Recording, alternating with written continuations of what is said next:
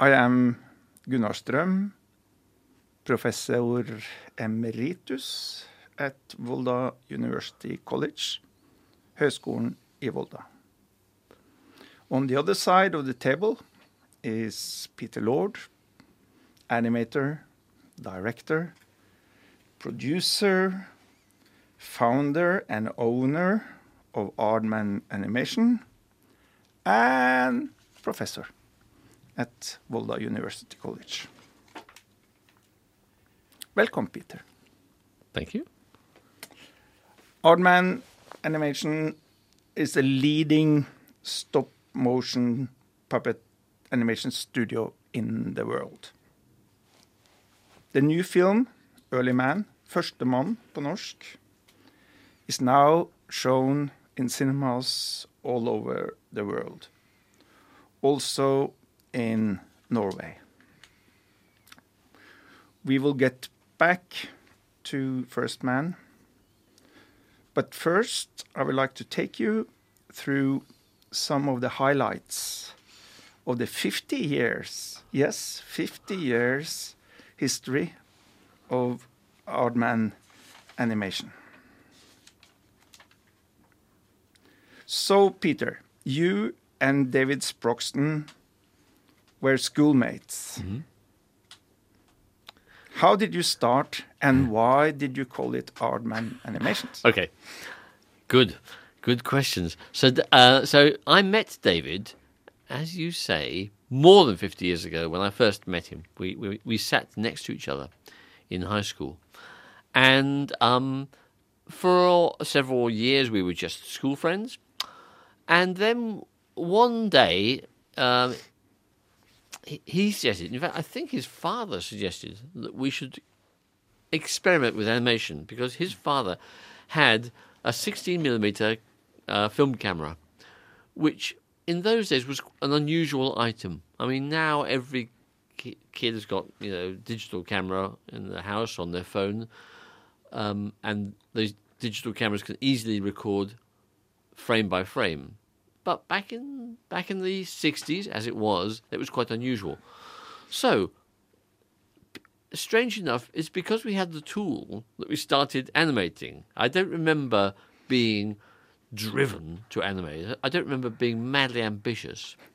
but we had the tool, and so we experimented. And having experimented, then I became um, addicted because it is a very wonderful thing. I It's mean, I, uh, an addictive thing, It's- animation. Yeah. I, you know, it, it, people take it for granted, perhaps, but I, I think it's it's such a powerful thing because when you when you animate, you create life. I mean, you, or the illusion of life, you know, and, and you, you can you create a world and you populate the world and you give it its own logic and s- s- sense of um, sense of itself. You, you you create something which doesn't otherwise exist, and that Yeah. is that is very exciting. Even on the simplest level, you know, when a, when a child sits down nowadays to animate, which is quite easy on on their mobile phone, and they make a piece of Lego move by itself, or um, a piece of modelling clay move by itself. That is an amazing thing. I think. But uh, you said uh, it was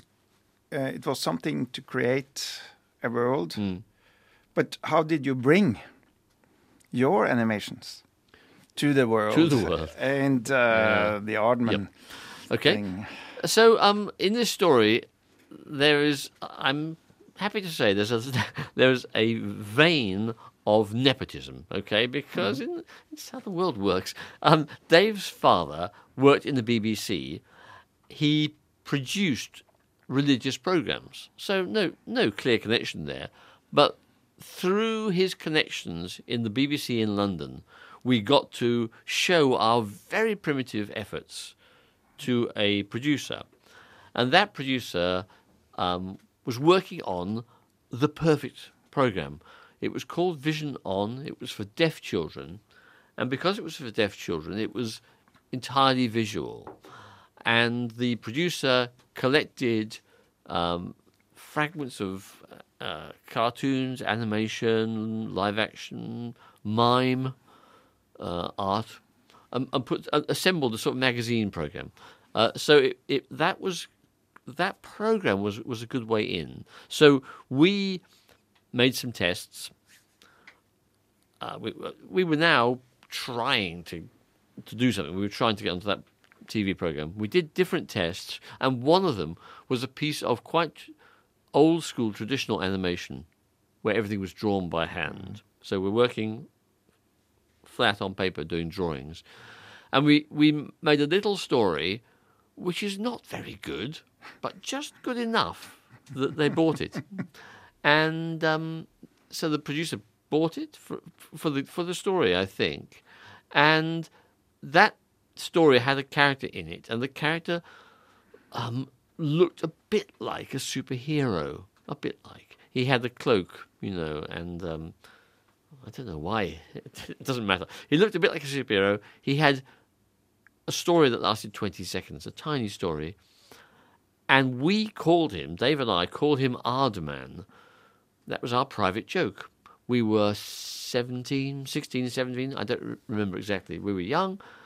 Uh, it was a private joke because there's an animal in in South Africa called an aardvark, which is Yes. an anteater. And when we were 17, we thought that was a very funny word.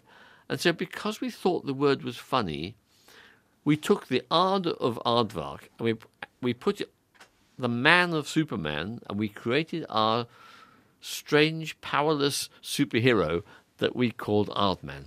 And when the BBC agreed to buy this first little fragment for, I think, £25, um, they said, you know, we'll send you a check. Those were the days. We'll send you a check.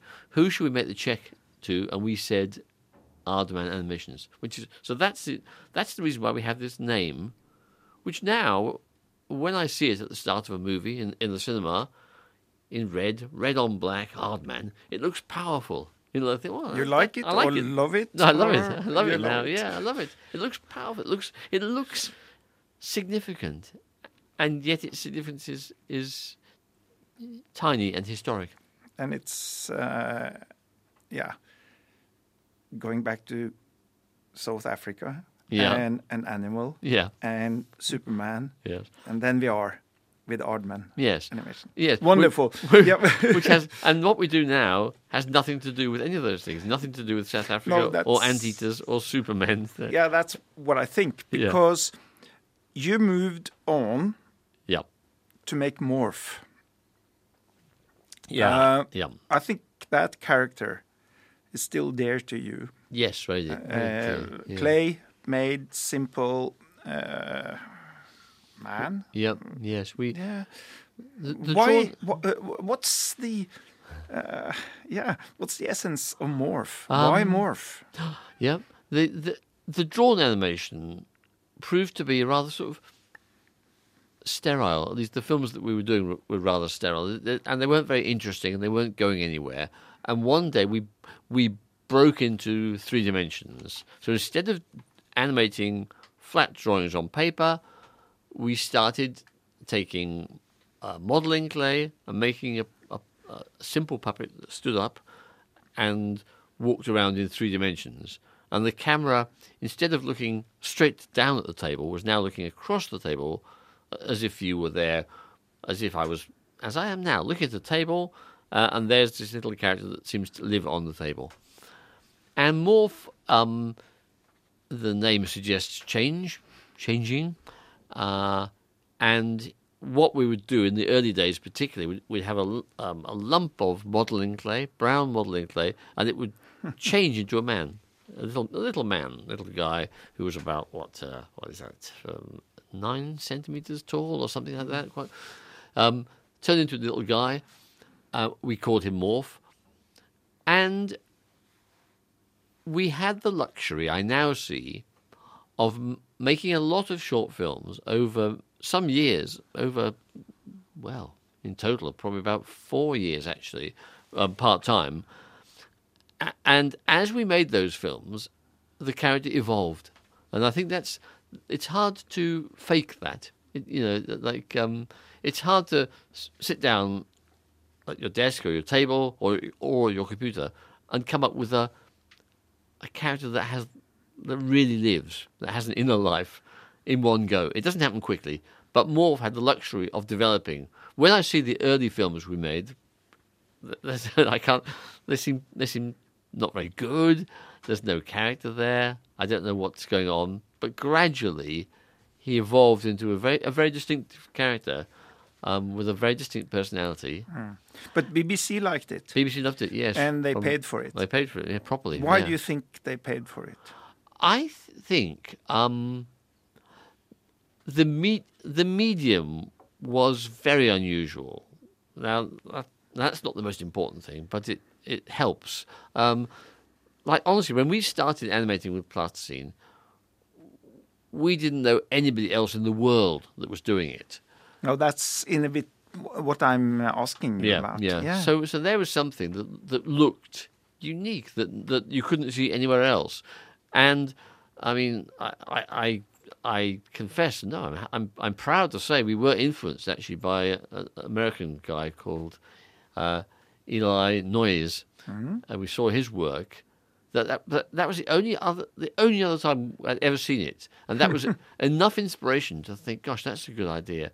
So so with Morph, with the work we did, the audience can see two things at once. They can see that it's modelling clay, which is a very familiar material, and they can see it's a living character. And those those two ideas are really interesting together. So the medium was unusual, and I won't. I'll stop being modest. Our stories got better. The stories got better, and because that's what people like. That I mean, people react to stories, don't they? They react. Uh, our stories got better. Our timing got better. Our filmmaking got better because all those things are. Yeah, if if you've got a little story to tell, even if that story is only a minute long, and it has a setup, it has a beginning, then it, then it evolves and then it delivers something at the end, some sort of punchline at the end. Um, th- those things are, are diff- all difficult. They're all you know. They take time and experience to learn. And so, and we had that time, and we learnt. Um, and um, like soon, eh, in in a month's time, we'll be making some new morph stories. So that, so he's been going for forty two years or something. That's that's, that's pretty good going. We're going to see Morph again. Yep. But then you moved on to conversation pieces Mm-hmm. and lipstick Yeah.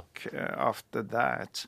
And you were pioneers. Well, um, um, John and Faith Hubley Mm-hmm. had done interviews, real authentic interviews, and edited them Yeah. And made uh, a visual animated uh, side to it. Mm, yeah. But that, in a way, was your way into the international animation Yeah. scene. Yeah. You became famous of that. Yeah. Yeah. So, what do you think was the strength Hmm. of being a pioneer in uh, animated documentary and, yeah, using uh, authentic uh, sounds, Yes. soundtrack? Okay, good, good point. I mean, because you're quite right that the idea came from someone else, which most ideas do. You know, I like I, that's a good thing, isn't it? You know, yeah. I think that life is that creative life is is a process of transferring ideas. You know, uh, an idea that like a seed. You know, you you plant it and it, and it springs up somewhere surprisingly, where you didn't expect.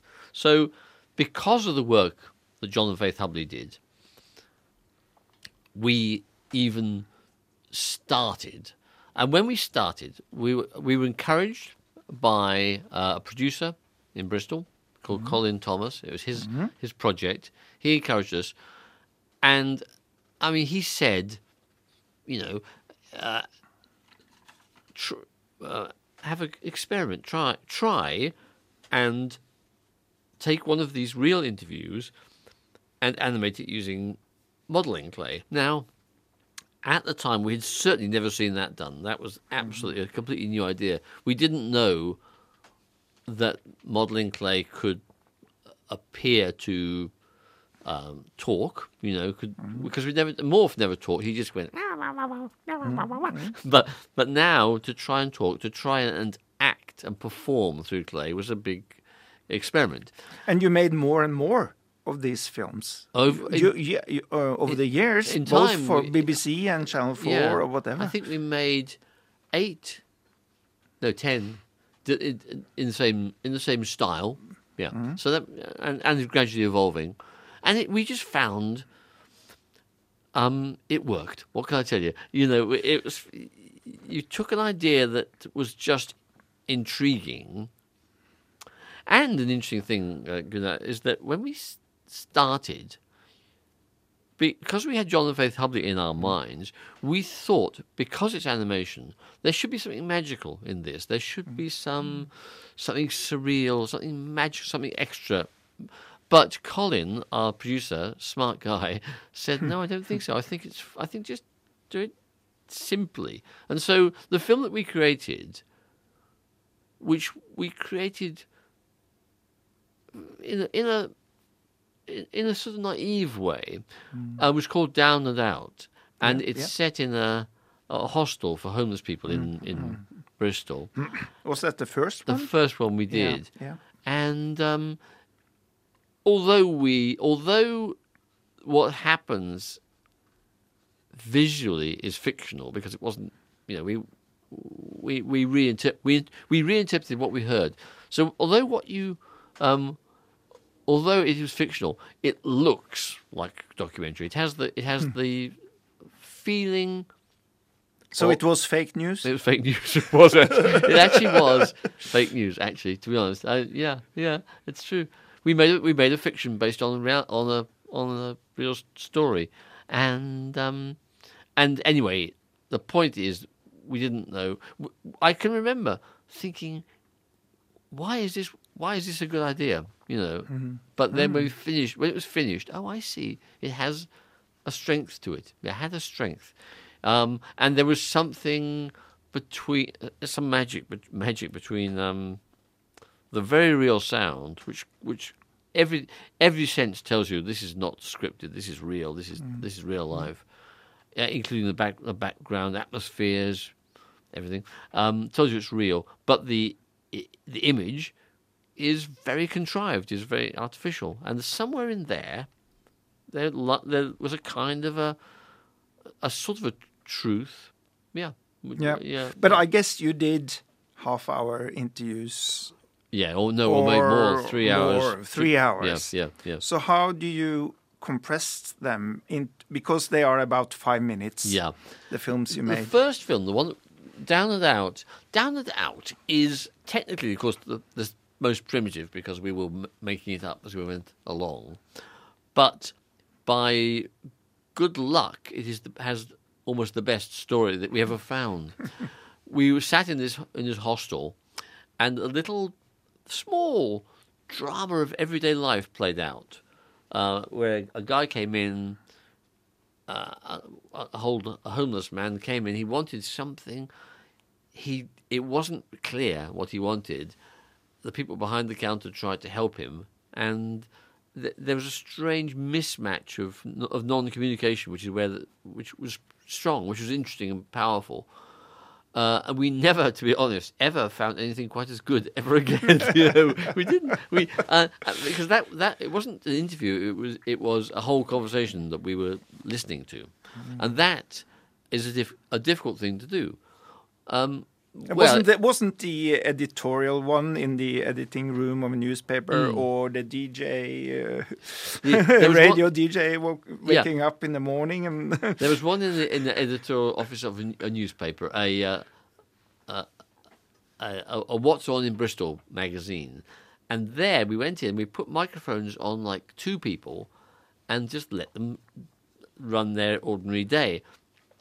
And although I like that film, I like that film very much now. I like it very. I really like it a lot. I find it delightful, but I have to say there was there was no drama of any sort, and so in that case we had to take three hours of you know inconsequential talk and structure it hmm. so it so so it had some shape to it. So so so editing the sound became more and more important. We were lucky with the first one; it didn't need editing really, but later we found we had to work harder and harder, and in the end, we uh, had a simple idea, but a good idea, which was to interview people instead of instead of this listening to people.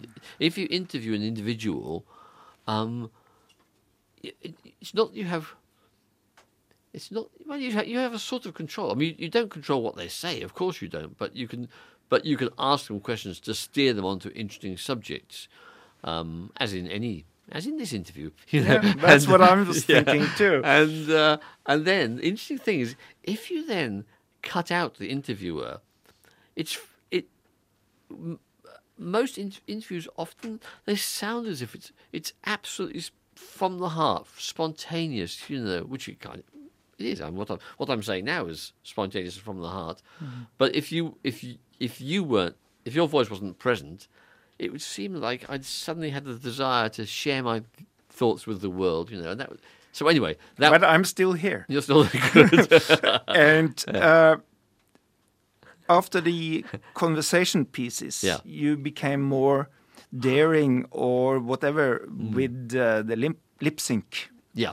Things Yes. because it had the same idea, Mm. um, um, but you uh, expanded it, experimented. Yes. Yeah. Yeah. Yeah. I mean, you mentioned before, and I didn't. I didn't pick up on it that this film, that film, Down and Out, introduced us to to the world of of independent animation. I never know what to call it. To world animation, independent animation, think, less commercial animation, uh, which is a world that we we lived in very happily in the in the eighties, particularly eighties and early nineties, and yeah, we've and then we've we did different things.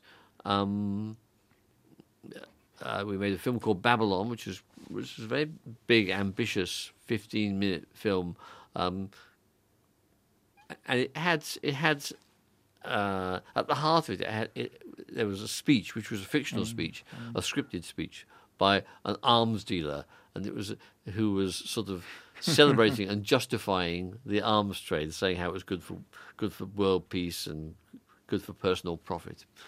Uh, so we made a film like that, and then of course we started to um, bring other people into our company. So it was it was no longer and- just Dave and me. It was um, the two. And then you had Barry Purves, you had uh, Golly. Yeah. Yeah. You had uh, yeah, you And- did a couple, and- yeah. and um, And yeah, Nick, and Nick Parker. So that was quite. So Yeah, was, so yeah, we, yeah, we did, we we ex- expanded. We we took the idea that we were that we had been. It wasn't just. This was commissioned by Channel 4 So Mm-hmm. Yes. so they commissioned five. they gave the money. They gave the money. God bless them. Uh, they they commissioned five films, and then they said they wanted five more. Wow, great! Yeah. And so that's when we brought in the other people. And uh, Golly Richard Goleszowski, he made a film called, called Ident, which was his vision, um, using some. Uh, actually, some performers doing an interesting vocal, verbal thing they did. Uh, Barry Purves joined us, and Barry um, Barry's never been very interested in the spoken word in animation. He's in, he loves perform he loves physical performance, and so uh, although his film was part of our series, in his film there was virtually not a word spoken. I think there were Oh, next.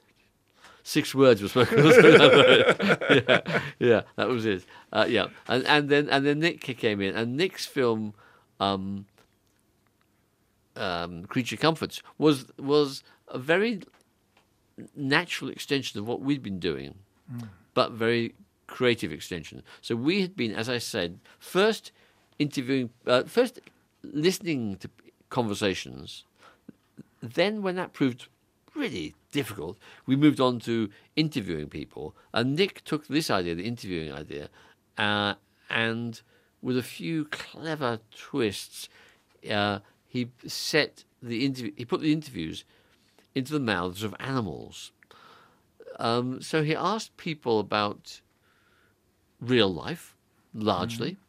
What's it like for an old person living in Bristol? What's it like for a, a student with not much money living in Bristol?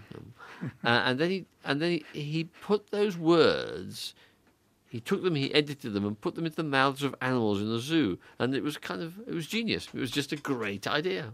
Well, it was so great, it, it won an Oscar. It was Yeah, it was it, that it was it that got your first your first Oscar. yeah, I think. it was that good an idea. Yeah, He actually had another film nominated Yes, for Oscar the same That's- year. that's not bad, He had uh, two films. Um, yeah, yes. And you moved a bit from the animated documentary into a freer. I, I don't Yes. think you call uh, Creature Comforts a documentary. do you? No, but it's no, and yet, and yet, you know, uh, it's pl- it's very playful, and it's funny, very very funny, which is why people like it. But there's a poignancy about it as well. Um, it's it's it's dominated by, by a bloke from Brazil. yeah, yeah, Uh, sure. who was a I need some space. I need space. he was a student, uh, work, uh, living in Bristol. Nick, Nick knew him through some church association, uh, and a rather opinionated student who who disapproved of everything English, the weather, notably the weather, the food, the lack of space. You know, and so he talked about these things. Well, it's funny. It's very funny, but there's a certain truth in it, and and there's um there's a, a gorilla uh, who's who is a, a young, I think also a student teacher from Belfast or from Northern Ireland. I don't like to be rained on. I don't like to be rained on, and I don't like to be cold. And I find that here I'm often rained on, and I'm often cold. And now that's, that's what she said, and she said it as a young student teacher from Belfast living in Bristol, and that was. You know that's quite poignant, but as a gorilla stuck in a a, a, a horrible cage, you know, with no c- comfort of any sort, a cold, uh, um, um, hostile-looking cage. You know, it's quite moving. So it isn't documentary, but it does say something about. It says something about the human condition. Yeah, it but uh, how did you find Nick Park? We found him at the National Film School in in Beaconsfield, outside London, and then as now, it's the best film school in Britain. Yes, absolutely. It's a it's and its course is all for graduates, so it's a master's course, and if you look at gosh, if you look at um, the British film world today, it's full of graduates from the National Film School in every field directing, sound editing, costume, everything. So it's a great training place. Um, Nick was there uh, doing animation as a master's degree. And um, now Nick uh, is he's like I, I don't even know he's six seven years younger than Dave and me. I don't know exactly what. So while we were working in our very early twenties, he was at school watching our work on TV, and so you know he was he was inspired, I think, by what we were doing, and he started animating in modelling clay as we had. Uh, and because of that, because we were working in the same medium, we were invited into the film school to lecture for one day. And I say lecture, probably that was more like we were helping him out with, you know, technique and and answering his questions and so on. And uh, anyway, so we got there and we found this guy, and the first thing to say is that he was thinking the same sort of way we were thinking. In uh, I, which was and when I say that, um, because we had devised a style of performance based on recognizable reality, which isn't what animation usually does. I think you know, animation uh, classically or, or or conventionally, animation is is like full of exaggeration and slapstick and stuff like that. Uh, But we were finding fun in in picking up recognizable human characteristics and habits and um, and recreating them. And so you got so the audience got that great uh, sense of um, recognition, which is uh, so. And Nick was doing the same thing. Nick had the same instinct, uh, and so I always remember his film is is about Wallace and Gromit, who I expect m- The most Grand Day people- Out. No, that yeah. was his graduate film. Yes. Yeah. so Wallace and Gromit, Wallace the inventor, uh, Gromit his silent much more intelligent dog sidekick. And um, when we first met Nick, uh, Wallace was trying to design a rocket, and he did a drawing, and he and he wasn't happy, and he looked cross, and he, he crumpled up and he threw away. I did another drawing, and then he wasn't quite happy, so he stroked his chin in that conventional way that says "I'm thinking." Okay, so now these weren't great shots, to be honest, but they were the same sort of thing that we were doing. But that was just the start, as it turns out. So anyway, this is a long story. We saw him, we met him, we thought, oh, this guy's pretty good, pretty good, you know. And then I think we went back, and we saw what he'd done next. And what he'd done next was very special. And what he'd done was so simple, so simple. It's hard. Well, this doesn't work so well on the radio, but I'll try and talk you through it. Wallace, Wallace says, um, "We've forgotten, we've forgotten the crackers," which is a typical Wallace line. We've forgotten the crackers, and Nick had animated it um, fairly conservatively. And then he he thought that's not funny, and so he animated it a second time. He read it, he redid it, and this time when he said w- the e of we. Wallace's Oh, mouth yeah. gets gets Yes. incredibly wide. Yeah, Like, you- yeah. You, you see about forty teeth, and the we, the e syllable is huge, and forgotten. The o of gotten is, is a big O, and, and crackers. Oh yeah, when he says crackers, the A of crackers is a big, a big mouth movement. So he he put this very exaggerated and actually quite, you would say, cartoony um, animation onto a plasticine figure, and so and it was funny. Now you can't And now you do it all the time. now we do it all the time. you now do it all the time. Yeah, yeah, yeah, yeah. yeah. And you can't. You know, it's hard to. Again, it doesn't really work on the Is. Nick still is eating Wensleydale? Um, I think so. The whole, most days he, he, has a, he has a con- constant supply sent down to him. Yeah, but this was an exciting time for the studio. Very exciting. And uh, Peter Gabriel came. Peter Gabriel came. That was yeah. We were. And the Sledgehammer video, that is one of the masterpieces of Ah. um, video music. I do often say, and I and I'm, and it's, it's absolutely genuine that we were very lucky and we had very good timing in our career. You know, to meet Nick was very lucky. To see that film by Eli Noyes and do do clay animation was very lucky. To meet Colin Thomas was very lucky, uh, and we were good. And we were good as well. But um, you know, we were lucky because we wanted. To, this is in the mid '80s, '86. There was a lot of really good animation being done for music videos, and we and we looked at this and thought, "Gosh, I wish we were doing some of that."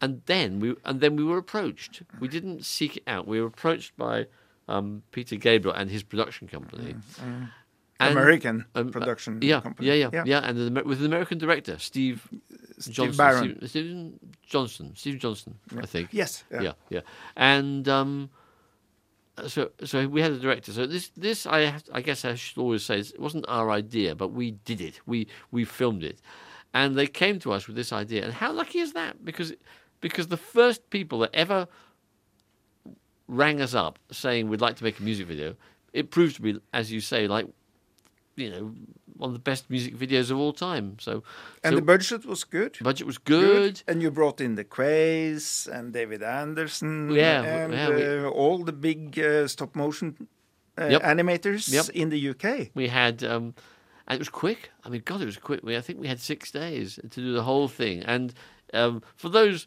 that don't remember it, um, Peter Gabriel himself, the singer, sing the song Sledgehammer, and the basic technique is he sang the song live and, and recorded it, of course, with on sh- shooting his face, and then we came back to the studio and shot re-filmed his animation, but fra- his performance, but frame by frame. So um, he would look at the video and he'd see that on frame 412 he was making um, a, an, an ah sound. So he put his mouth into an, into an ah sound, and meanwhile we as the animators would do crazy things with fish and vegetables and drawing and and um, candy and ice and just all kinds of crazy stuff.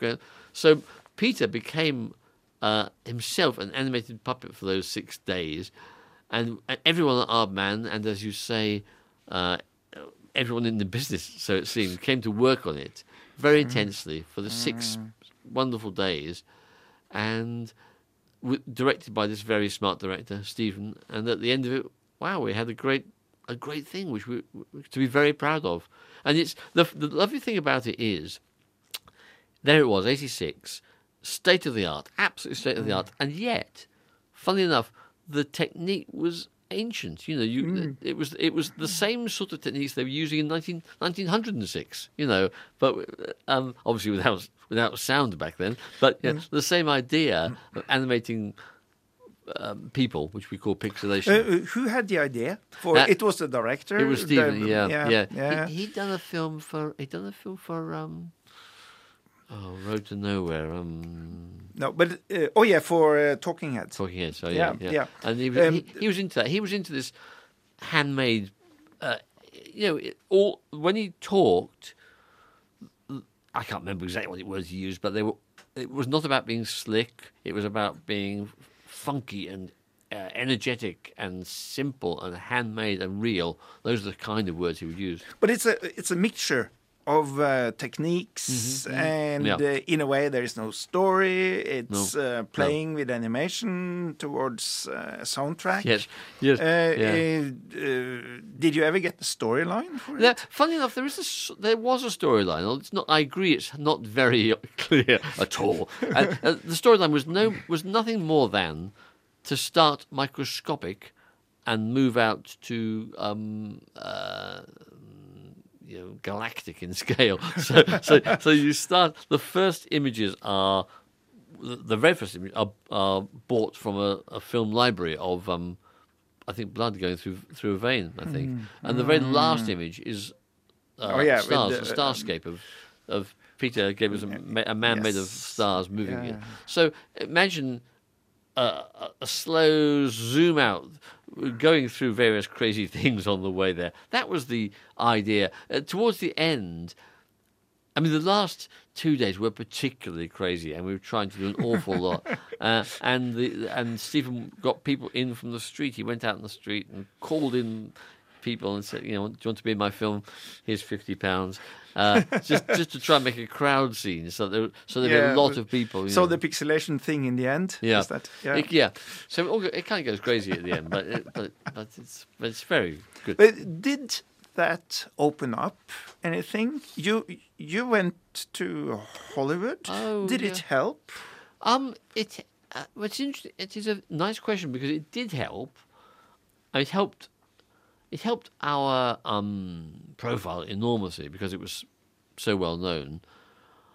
Uh, the the first thing that happened was that we went we went to New York and worked on a on a, a, TV show called Pee Wee's Playhouse, which was directed yeah, by um, the same guy, by Stephen Johnson. Yeah. Again, and that was fun. That was great fun. I, I'd never I'd never worked in New York, so I enjoyed that for a, for a summer.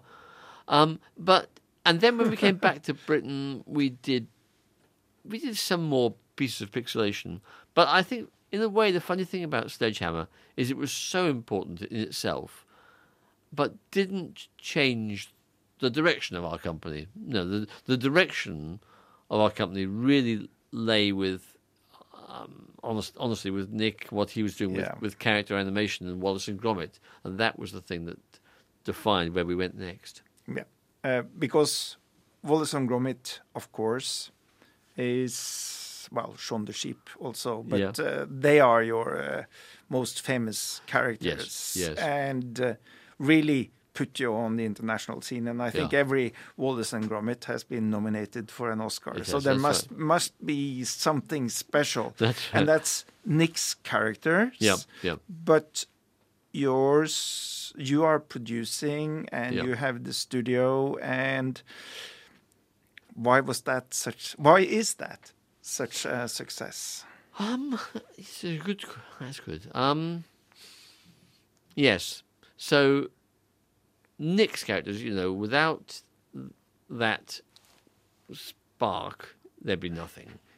Um, but then to make the films, of course, um, it gets to be an enormous operation. Uh, Nick made he made four half-hour films and one feature film with Wallace and Gromit, and as each one got bigger, the scale of the operation got bigger. So I think that we, that Dave and I, instinctively uh, created a very creative and humane environment in which to in which to do animation, um, where where the you know the creative, um, the the the right the writing, perfor- writing, performance, directing, uh, model making, all these things are valued very, very, very highly, and and filmmaking is very valued, and those things are, uh, sort of valued you know, more certainly more highly than profit. You know, this the, we've never been in business to make money. I mean, we do, we we do, but that's never been why ever ever. Uh, so all those things somehow communicate. Somehow we provided the perfect setting for Nick to make his films, and you know, um, he came to us as a one-man band, a one guy, a one, you know, uh, and when he worked on his second film was was um, The Wrong Trousers, and there's a crew. The, the credits are, I'm guessing, 15 people, you know, and then the credits on uh, the next film, A Close Shave, are probably 60 people, you know, and then um, and then and then we and then when we done The Close Shave, and and Nick had won his third Oscar, uh, of which two had been for Wallace and Gromit films, so it's not a bad success rate, not a bad strike rate. Um, then we were ready to sort of, oh, what word to use? Take take on Hollywood. Uh, em- either Yeah. either either fight Hollywood or embrace Hollywood. I'm not sure which. A, a bit of both. No, but I think with um the wrong trousers, Yeah. uh, which is a magnificent film, Yeah, of course. yeah. Um, you and Nick um, made a way of storytelling hmm in animation Yes. that Yes. we haven't seen before. I think No. you took the um, traditional way of Hollywood Mm. storytelling, Yeah. put it into a claymation film. It wasn't a gag here, a gag there. No. Y- Um, you did a storytelling. Yes, you're right. You're right. It's a good point. That's right. Um, the, it's definitely yes. There are there are extremely extremely funny situations, and not but not like. But not like big funny gags. I mean, there are, by the way, there are, Oh, yeah, there yeah, are yeah, some amazing When- gags. When he's uh, placing the tracks in, in front of the train, of course. but they're barely barely vocal. They're not based on funny dialogue. You know, hardly at all. Um, they're they're br- brilliant um, comic improvisations. But the other things, like, was to take uh, the camera work very seriously and the lighting very seriously, and so you know, com- compose the scenes and light them uh, uh, like a like a drama, like a you know. a- you were a- getting into a kind of live action filmmaking thing, yes, we were, we were, but yes, frame by frame. yes, And then you move on into the feature length Yeah. things. yes. Chicken Yeah, Run. Chicken Run. Yeah, it was the next next big advance. Yeah, which was I Chicken mean, Run. Um, uh, one of my former students mhm. and her mother loved the Chicken Run feature so much that she convinced me to uh, approach you and ask for a signature. Yeah, really. Why do there you, why do you think Chicken Run can um, fascinate the mother and the daughter? Ooh, that's good. Um, so Chicken Run again. I think we took ser- seriously as filmmakers. Absolutely, you know, take you take your you take your material and your characters very seriously, um, and you believe in them, and we believe in them, and then then the audience can believe in them. Um, you got a good you have a good script. We worked very hard on the script. Um, you've I think it's it's characters. That's that is the way that people get into films, isn't it? I mean, other films, are, you know, other things are, are very important, but what do we respond to? Respond to the characters that we see on the screen, and uh, in that little cast of, a, well, there's about what are there, ten speaking parts, and they're all very good. They're all they're all really you know, interesting. They're interesting. Some are sympathetic, some are sympathetic, some are downright funny. There's one called Babs, the big fat one that, that, that who who is blithely innocent and never knows what's going on. She's just she's just funny. Um, uh, uh, uh, so we've got all that going on, and um, and then you, the chickens themselves take the situation very seriously. For me, you know, when we came to pitch this film to Hollywood, we, we, we went to uh, we went to Los Angeles. We were invited. They sent the jet, the the private jet, to pick us up from um, the Sundance Festival where we were. So we were flown to Los Angeles in a private jet. We went for dinner with um, Steven Spielberg and Jeffrey Katzenberg and a couple of others. So it was pretty high, pow- pretty high powered Hollywood moment. You know, this is the mm. authentic Hollywood moment. Mm. And we had the authentic Hollywood pitch, which is as simple as this we're going to do The Great Escape, but with chickens. And I think that is a great pitch. You know, I really think it's fantastic. Even because if you know The Great Escape, which is which is essential, mm, um, I think maybe we might have had one visual because the joy of the joke, the joy of the joke, is that the, the huts where the the unfortunate prisoners of war live in the Great Escape are quite like chicken huts. I mean, the, the, the, the structure of them, the look is very very similar. So maybe we had a picture of a chicken farm. Maybe. Were And- you um, inspired at all by Watership Downs? No, I don't think so. No, we weren't. No, we weren't. Same I mean, story. I saw. Well, we, we'd seen it. I read the read the book, read the book, and seen the film. But I don't think we. It was never mentioned. You know, I can, I can say that, and that you know that was a big claim. But I don't think it was ever mentioned in the making of. Which is you know as we as we went mm, along. Mm, mm. Um, but no, but yeah. yeah, and and the reason I think it's so good is because the Great Escape at the time, now it's slipping into it's slipping into history now, but at the time it was synonymous with um, uh, adventure yarn, um, extreme heroism, um, a sort of underdog story. You know, uh, you know these these these these guys with with nothing nothing in their favour except great imagination and great creativity as trying to escape. Those ideas, he- heroism, all men, uh, very heroic. And then we took it and, and, and we, we substituted chickens who were all female uh, and chickens who, by, by in the common imagination, are both stupid and cowardly, right? And, and so to make those our heroes was a funny idea. So, funny idea, taken, done seriously, um, and with some again some lovely visual set pieces in there. The film was produced by DreamWorks. Yeah. Uh, I remember us two sitting uh, at the green tree, Mm-hmm. the grønne treet, and you got a phone call. Yeah. Oh yes. yeah. And you had to go out, and when you came in again, Yeah. I asked, uh, Yeah. well, who was it? And it was uh, Jeffrey Katzenberg. Oh yeah. I yeah. felt like we were uh, in Hollywood in a way. Um, but uh, how? I don't. I don't How- remember that, Gunnar, and that's great. That's great because I, I took calls from Jeffrey everywhere in the world because he he he, he the the telephone was his was his tool of of um empire empire. And wh- wherever I'd be on holiday you know up a mountain in a, in a you know in a restaurant there'd be a call from Jeffrey. Anyway. Yeah, Yeah. the- because uh, DreamWorks was, of course, when uh, Jeffrey Katzenberg left Disney Yeah. and joined Steven Spielberg and uh, David Geffen, yep yep. Uh, and they made DreamWorks. yeah yeah.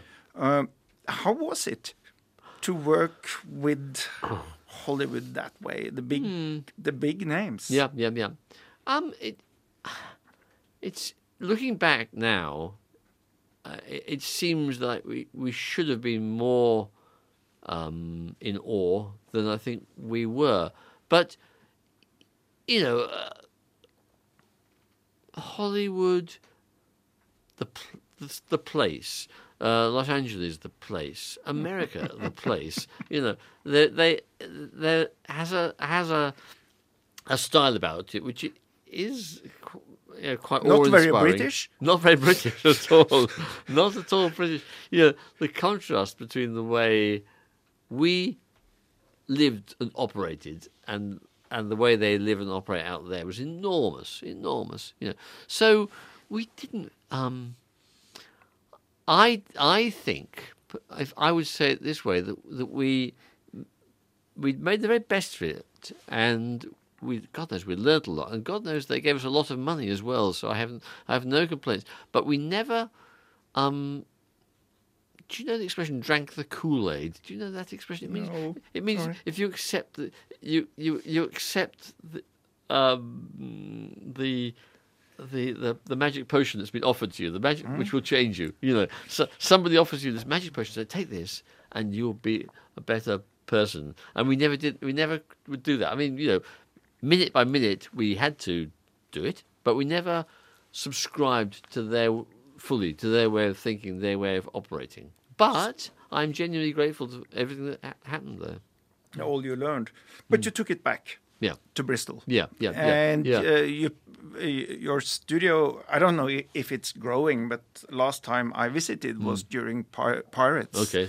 the production of that, Yeah. uh, and it was overwhelming. Uh, Yeah. What? The studio is an amazing place. It, I, I, I say this, yes, it is an amazing place, and it, it still, it, it still gives me the same pleasure. Now, still Hmm. When now. you walk around, Yeah, I walk around. I love to walk around that place. You, the, um, because what you've got is a, a very large space, a huge warehouse. Now it's got. We we bought the warehouse next door, and it's bigger and bigger. It's bigger and bigger, and in that warehouse there are gangs of artists, you know, um, and craftspeople, um, mo- model makers, designers, people who, people who draw, people who build with their hands, people that make, carpenters that do things with wood. how many Yeah. are them? Uh, oh, I mean the the whole team. Let's say about two hundred. Let's say two hundred in there, and filmmakers and animators, of course, uh, and the studio's divided up into what might be thirty-five separate mini studios. When I say mini, the the big ones are are, are you know, you know, thirty meters long, are huge, but some, and some are some are very small, but different size studios, and and um, they're all separated from, by a black curtain. So you walk around in the dark, but then you come to a black curtain, you move the black curtain aside, and inside is some glorious scene. You know, some amazing scene where where the beautiful sets, beautiful puppets, and then maybe you know, fifty lights have been have been carefully arranged by someone to to to make the lighting exactly right, and and the cameras moving, and it's just it's just so interesting. I mean, it's beautiful, beautiful, um, and as I say, I never get tired. The- In a, in a way, you answered my next question. Yeah. Is it industry or art? well, that's a good question because I said it's full of artists, which is how I feel about it. It is, and yet, I, and yet we we have industrialized art to some extent, and I hope that doesn't sound bad because. You know, there are words like industrialized. That sounds that that sounds alarm bells. oh, that's, you know, um, but no, we, we've made it possible. We've made it possible to create big things somehow using uh, this great pile of um, of, of talent. Yeah. But then, uh, for um, Early Man, Yeah. uh, the new feature that is on the screens all over the world. Mhm. Uh, was that Nick Park coming to you with an idea and said, I have this idea for Yeah. this film? Yeah. And you say, Yes, let's do it. Yes, that's exactly what happened. I mean, honestly, um, you know, there aren't many people like Nick Park. Um, you know, the word genius is often thrown around in, in, in the arts and so on. And I think it, it genuinely applies to Nick. And I really do. I think his because his his instinct is so good. That's what I mean by. To me, that's what I mean. I mean by genius. He comes. He he has great ideas. So he hadn't done anything for quite a long time. Um, he was quite um, burnt out by by making the last Wallace and Gromit film, mm. and he lost. You know, he, he didn't do very much, and um, maybe that was part of the one of the good things about the studio that we could have, we that we would just let him just take his time, take his time, mm. and he came up with this idea about cavemen. Uh, Why is that funny? Well, that's a good question. he, I mean, because it's funny for Nick. I could I could tell why it was funny quite early on. He he, he likes he likes foolish characters. Nick uh, Wallace is a very foolish character, um, and he likes that. They amuse him. I can see they amuse him very much. So he he would des- he designed his tribe very early on, his tribe of ten. Um, buffoons, ten, yeah, yeah. 10 and, and the, really, the, football the football, team. become a football team, and they all, most of them look pretty stupid. You know, frankly, they look, they look stupid. And so, but but, and I say they're stupid. That's not the point, is it? It's it's. It, it, innocent fools he likes, I think. You know, like that's mm. that's the nice thing about Wallace. You know, he like in in some you know he'd be terrible to live with Wallace. He'd be awful. But he, he, has a clever sidekick. He has a clever sidekick, which is, makes it possible. That's right. that makes, makes, it possible for him to operate in the world. Yeah, yeah. So Nick loved that. Um, now the funny thing is, this is the strange thing. It's also about football, and I can tell you exclusively on air that he knows nothing about football at all, not a thing, and n- nor does he care about football. He doesn't care. He doesn't. So why football? I don't know. He was he, he wanted to because it was his. He had the idea. You know, like you know, most like me, I I don't care much about football, but I will watch match of the day, and I I always go to the paper to see how Bristol City have, have done last weekend. You know, I always check. Nick would never do that. Doesn't care. Never never has cared. So with no interest no interest at all in football. He wanted to make a football film. Well, that, but because it was his idea, I said, we said yes, of course. You know, we'll because we, you know, this, you know, you talk about backing, backing someone. You know, trusting mm. someone. I always back Nick to do. Yeah, mm. but uh, you're more into cricket. Mm. Could it be a cricket scene? No, I wouldn't. You see, I, no, no, I don't think it could. no, no, that, no, would, that would be no.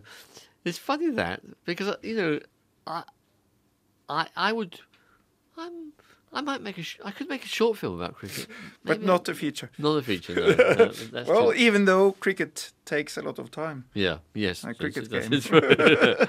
no, but back back to uh, when Nick came with the idea. Yeah. You uh, approved. Yeah. Um, and the money came.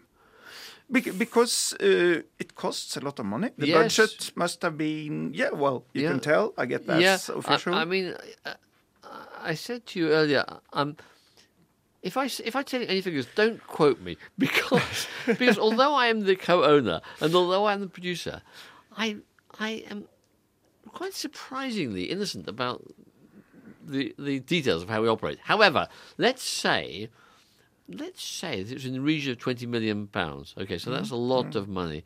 Um, yeah, we approached um, Studio Canal, uh, who who are our current best friends, a French company.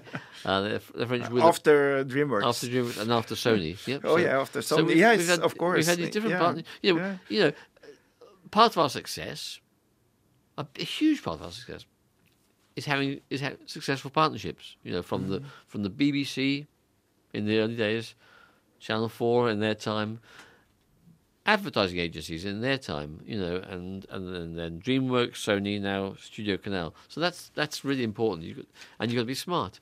So uh, we approached Studio Canal, and they took a similar attitude to me. I think you know, like, well, if Nick Park says so, then that's then then we trust him. You know, I mean, you know, I say that because I am never in the meetings, and, and I dare say there's lots of wrangling. Of course, you know when you come to do a deal, you know the lawyers are to and fro. And there's meetings and there's crises, and, and, and but uh, but So- I, I'll leave that to other people. Yeah, but then for your next big project, Yeah. you can go just go there, and they will be happy. What's what's up? what are you doing? We, we, we- I think because of our track record to date, the good news is that we can at least go and get a meeting like anywhere, you know. Mm-hmm. Um, whether that will turn into a, a- commission or whether they'll fund, I don't, I don't say. But you know, we know what